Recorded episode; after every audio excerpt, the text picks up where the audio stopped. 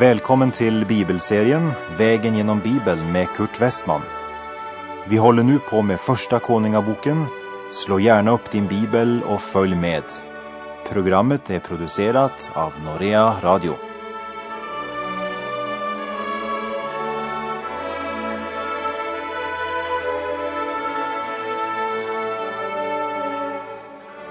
Vi avslutade förra programmet med den sista versen i Första Kungaboks 18 kapitel som sa att Herrens hand hade kommit över Elia. Det vill säga, Herrens kraft kom över honom på ett speciellt sätt. Och då binder Elia upp sina kläder om sig och springer framför kung Ahab ända in emot Israel. Det rör sig om mer än 30 kilometer. Regnet öser ner. Ahab vet att om han inte skyndar sig hem till Israel så kan regnet snart göra det omöjligt att komma fram. Efter mer än tre års torka kan den solbrända jorden inte så snabbt ta emot allt regnet och vattnet bildar strida strömmar. Så Ahab låter hästarna löpa fort. Men så efter en stund upptäcker Ahab något otroligt.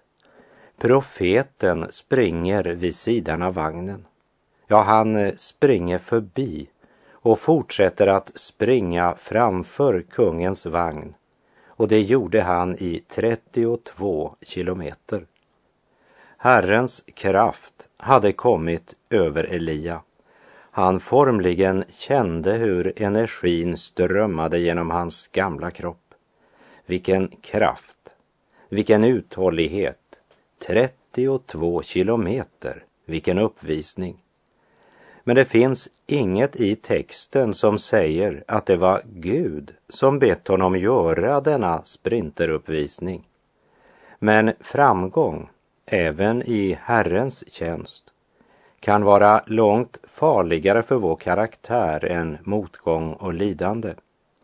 Det är som om Elia ville demonstrera för hela Israel. Se, här är mannen som inte behöver gömma sig för Ahab. Elia skulle inte ha lämnat Karmels topp för att bege sig till Israel där Isabel regerade och hade makten. Isabel var kvinnan som mördat Herrens profeter. Hon hade insatt en mängd falska profeter som utförde hedniska, lösaktiga riter i det tempel hon låtit bygga för Baal. Och när Ahab nu avlägger rapport och berättar för Isabel att Elia har mördat alla Balsprofeterna, då svär Isabel att hon ska mörda Elia. Och vi läser i Första Kungabok kapitel 19, verserna 1 till och med 3. Men när Ahab berättade för Isabel allt vad Elia hade gjort och hur han hade dräpt alla profeterna med svärd sände Isabel en budbärare till Elia och lät säga Må gudarna straffa mig nu och i fortsättningen om jag inte imorgon vid denna tid låter det gå med ditt liv som det gick med alla dessas liv. När han fick veta detta bröt han upp och begav sig iväg för att rädda sitt liv. Och han kom så till Berseba som hör till Juda. Där lämnade han kvar sin tjänare. Här konfronteras vi på nytt med den kamp som helt sedan syndafallet har rasat i vår värld utan uppehåll. Och den kampen rasar än idag med full styrka. Men det är förvånande att finna hur få inom kyrkan som är fullt medvetna om denna kamp. Men Isabel rasar hade Elia tänkt stoppa henne och landets sexuella förfall och den prostitution som var hennes liv. Nej, hon skulle sannerligen visa Elia vem som skulle stoppa vem. Och när Elia, som nu är fullständigt utmattad, efter en över tre mil lång språngmarsch, när han får höra Isabels hot, blir han rädd. Det var nu han skulle ha använt den kraft som hade kommit över honom från Herren. Men den hade han redan förbrukat på att briljera i en 32 kilometer lång sprinteruppvisning. Utsliten presenteras han plötsligt för dödshotet från Isabel. Efter sprinteruppvisningen har blickarna fokuserats på Elia istället för altaret där Herrens eld föll. Elia har inte blicken på Gud längre och då vacklar tron och då blir lösningen att fly. Men det var ju positivt att han i alla fall var förnuftig nog att låta sin tjänare stanna i Berseba så han inte drog honom med sig ut i förtvivlans ökenland. Vers 4. Men själv gick han ut i öknen en dagsresa. Där satte han sig under en ginstbuske och han önskade sig döden och sade, det är nog, ta nu mitt liv, Herre, ty jag är inte för mer än mina fäder. Här är det viktigt att komma ihåg att mannen som trädde fram på Karmel var på Karmel därför att Gud hade gett honom order att gå dit och utföra Herrens uppdrag där. Mannen under ginstbusken är en man som efter segern på Karmel börjat tro att han är bättre än sina fäder och som därför på eget bevåg har använt Herrens utrustning till att företa en sprinteruppvisning och som därefter, utan att fråga Gud, flytt ut i förtvivlans öde öken. Tänk om han inte hade missbrukat den kraft han fick då Herrens hand kom över honom efter Karmelsegen. Låt oss inte heller glömma de fruktansvärda upplevelser han haft. Elden från himlen som förtärde både offret, stenen och vattnet. Det var en skakande upplevelse och nedslaktningen av Balsprofeterna lämnade honom inte heller oberörd. Det var fruktansvärt. Och kroppsligt så är han fullständigt utmattad. Och som prick över iet, Isabels löfte om att hon ska ta livet av honom. Elia är ett tragiskt syn där han sitter under ginstbusken. Men vem av oss har väl inte suttit där någon gång? Du kan kritisera Elia, du kan säga att han saknade tilltro till Gud fast den Gud så nyligt hade stadfäst sin makt på Karmel. Men för Elias del så var besöket under ginstbusken lika viktigt som segern på Karmel. För här, under denna buske, inser Elia att han som i allt hade varit beroende av Gud efter segern blev mera upptagen av själva triumfen än av honom som gav segern.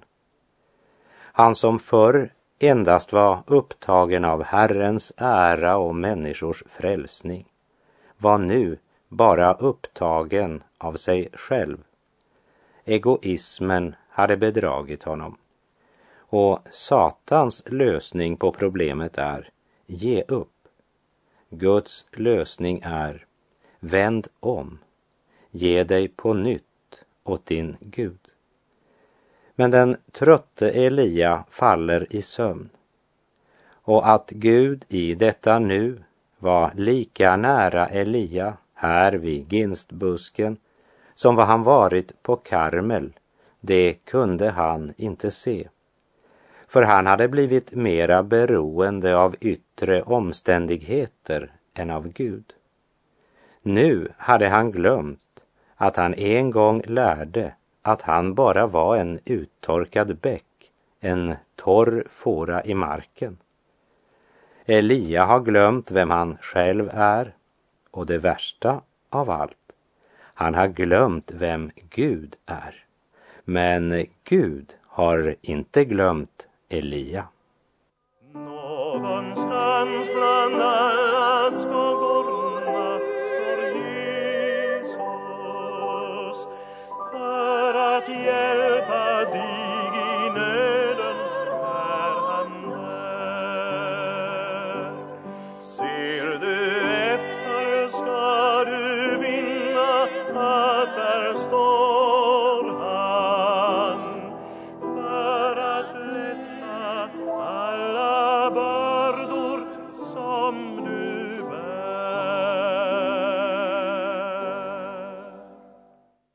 Elia som en gång varit så beroende av Gud lät sig nu krossas under yttre omständigheter och människofruktan. Hebreerbrevets författare skriver i Hebreerbrevets trettonde kapitel, vers 5 och 6. Gud har själv sagt, jag ska aldrig lämna dig eller överge dig. Därför kan vi frimodigt säga, Herren är min hjälpare. Jag skall inte frukta. Vad kan en människa göra mig? Men Elia bad faktiskt Gud om att ta hans liv. Elia hade nu glömt att hungersnöden han förutsagt, den hade kommit. Och han hade dag efter dag upplevt undret då korparna kom med mat och mjölet i änkans kruka som aldrig tog slut så länge hungersnöden varade. Allt detta hade han glömt. Och den som glömmer Guds trofasthet mot oss i gångna tider ser bara meningslösheten och känner besvikelsen. Och då måste Gud på nytt påminna oss om sina löften och på nytt visa oss sin omsorg, kärlek och trofasthet. För hade Elia i nöden glömt sin Gud och sina erfarenheter så hade inte Gud glömt Elia. Vi läser verserna 5 till och med 7. Därefter lade han sig att sova under en ginstbuske, men se, då rörde en ängel vid honom och sade till honom, stig upp och ät. När han då såg upp fick han vid sin huvudgärd se ett bröd sådant som bakas på glödande stenar och ett krus med vatten. Och han åt och drack och lade sig åter ned. Men Herrens ängel rörde åter vid honom för andra gången och sade Stig upp och ät, ty annars blir vägen dig för lång. Lägg märke till att Gud inte anklagar Elia för att han var så modlös eller för att han glömt Guds trofasthet. Istället ger han den modlöse ett vidrörande, halleluja.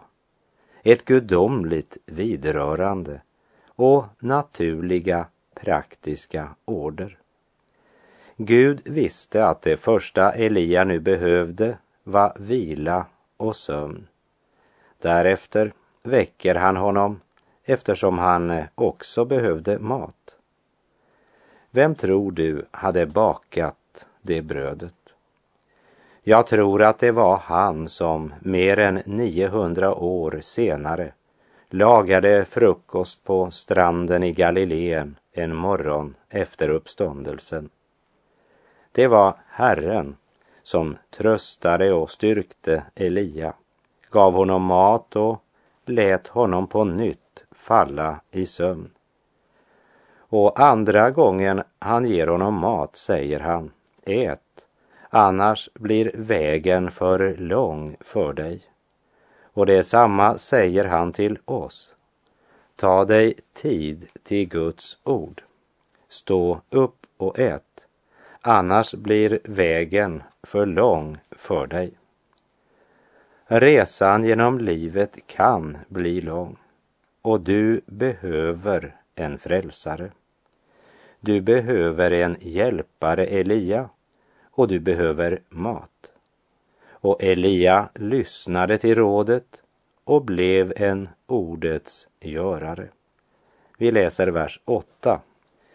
Då steg han upp och åt och drack och gick så, styrkt av maten, i fyrtio dagar och fyrtio nätter, ända till Guds berg, Horeb. Det var berget där fäderna mottog lagen.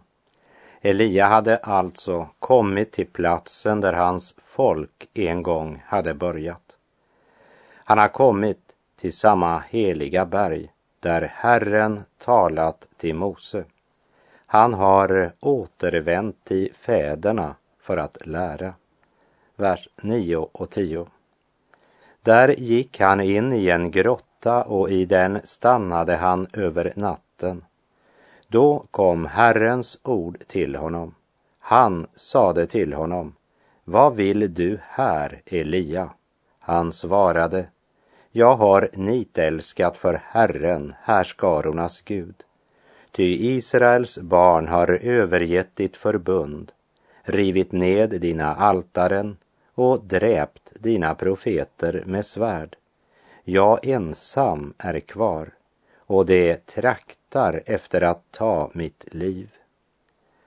Han är nu ensam med Gud, det vill säga han är tillbaka där han en gång själv hade börjat sin vandring med Gud. Och nu beskriver han för Gud hur han upplever situationen. Men Gud svarar honom inte direkt. Först måste Gud leda Elia till den plats där han kan börja på nytt i Elia liv. Och vi läser vers 11. Han sade, gå ut och ställ dig på berget inför Herren. Då gick Herren fram där och en stor och stark storm som ryckte loss berg och bröt sönder klippor gick före Herren. Men inte var Herren i stormen. Efter stormen kom en jordbävning, men inte var Herren i jordbävningen. Vilken kraft, tänker Elia. Detta må vara Gud. Nu kan man äntligen se att det sker något. Men det är ett litet men. Men Herren var inte i stormen. Men då kom en jordbävning. Det var mäktigt. Han eh, känner hur klipporna skakar där han står. Nu känner han verkligen att något håller på att ske. Detta måste vara Gud. Men Gud var inte i jordbävningen. Vers 12. Efter jordbävningen kom en eld, men inte var Herren i elden. Efter elden kom ljudet av en sakta susning. Efter jordbävningen kom elden. Äntligen, tänker profeten som sett elden falla på Karmel och därefter sett hela Israel på knä och upplevt att elden förde till seger. Elia har stor förväntan till elden. Eld från himlen. Det passade liksom för Elia det. Men eh, vänta lite grann. Gud var inte i stormen, inte i jordbävningen och inte heller i elden. Men efter elden kommer en stilla sakta susning. Så olikt Elia röst. Men profeten måste lära att Gud går fram som en stilla susning. Det är underbart att se Gud gå fram på det sättet. Och här får Elia lära sig något mycket viktigt. Att i det stilla utför Gud sitt verk och vandrar fram med en kraft som inte består i volym men i Andens smörjelse.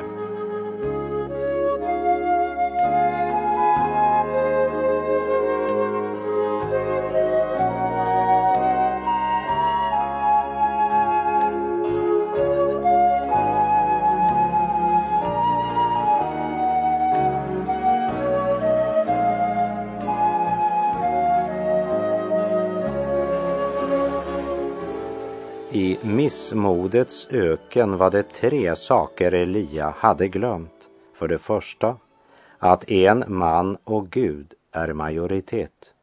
För det andra att Guds vägar inte var detsamma som människors vägar.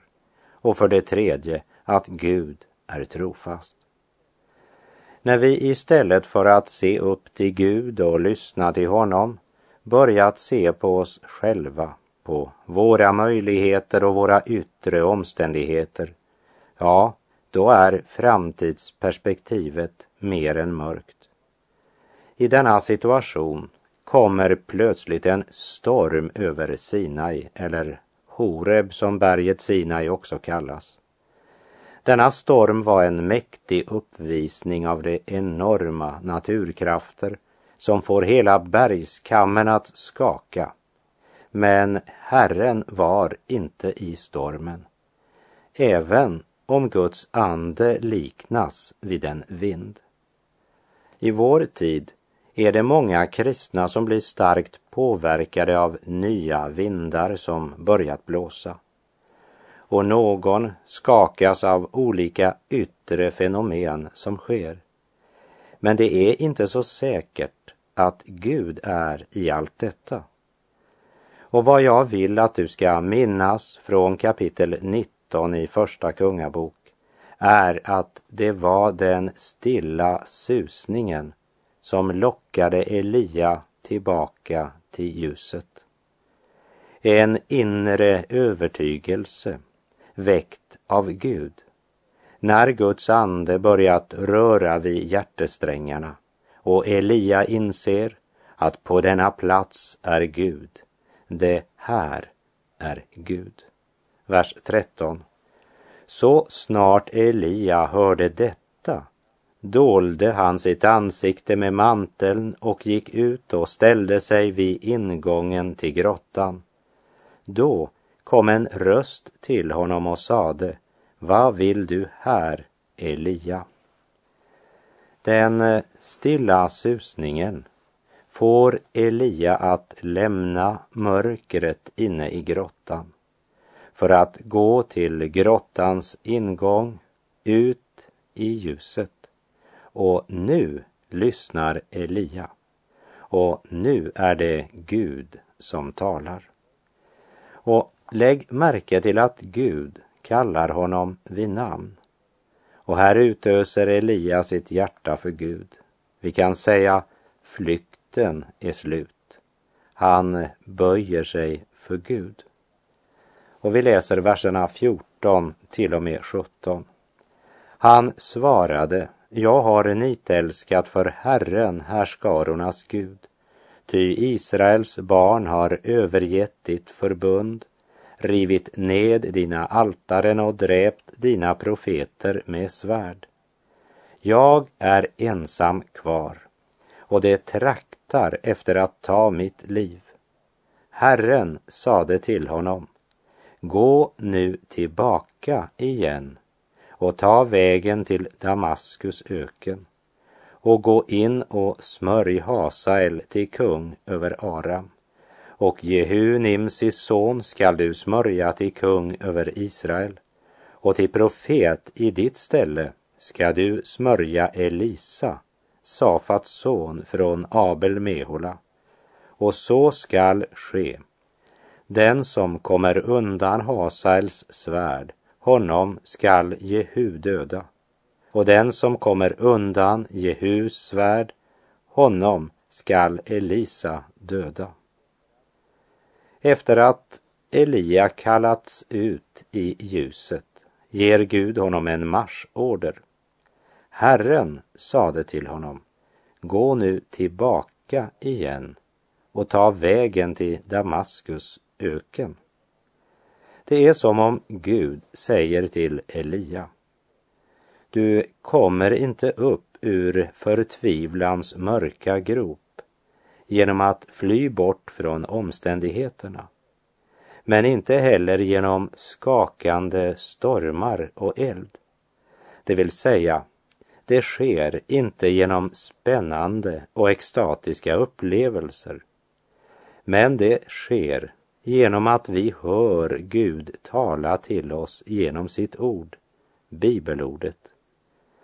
När vi inser att det är Gud själv som talar genom sitt ord på så sätt att han genom anden gör ordet levande, så står vi vid den punkt där Elia stod i grottans öppning, ut mot ljuset, där han hörde Herrens röst tala till honom, som vi såg i verserna 12 och 13. Efter elden kom ljudet av en sakta susning.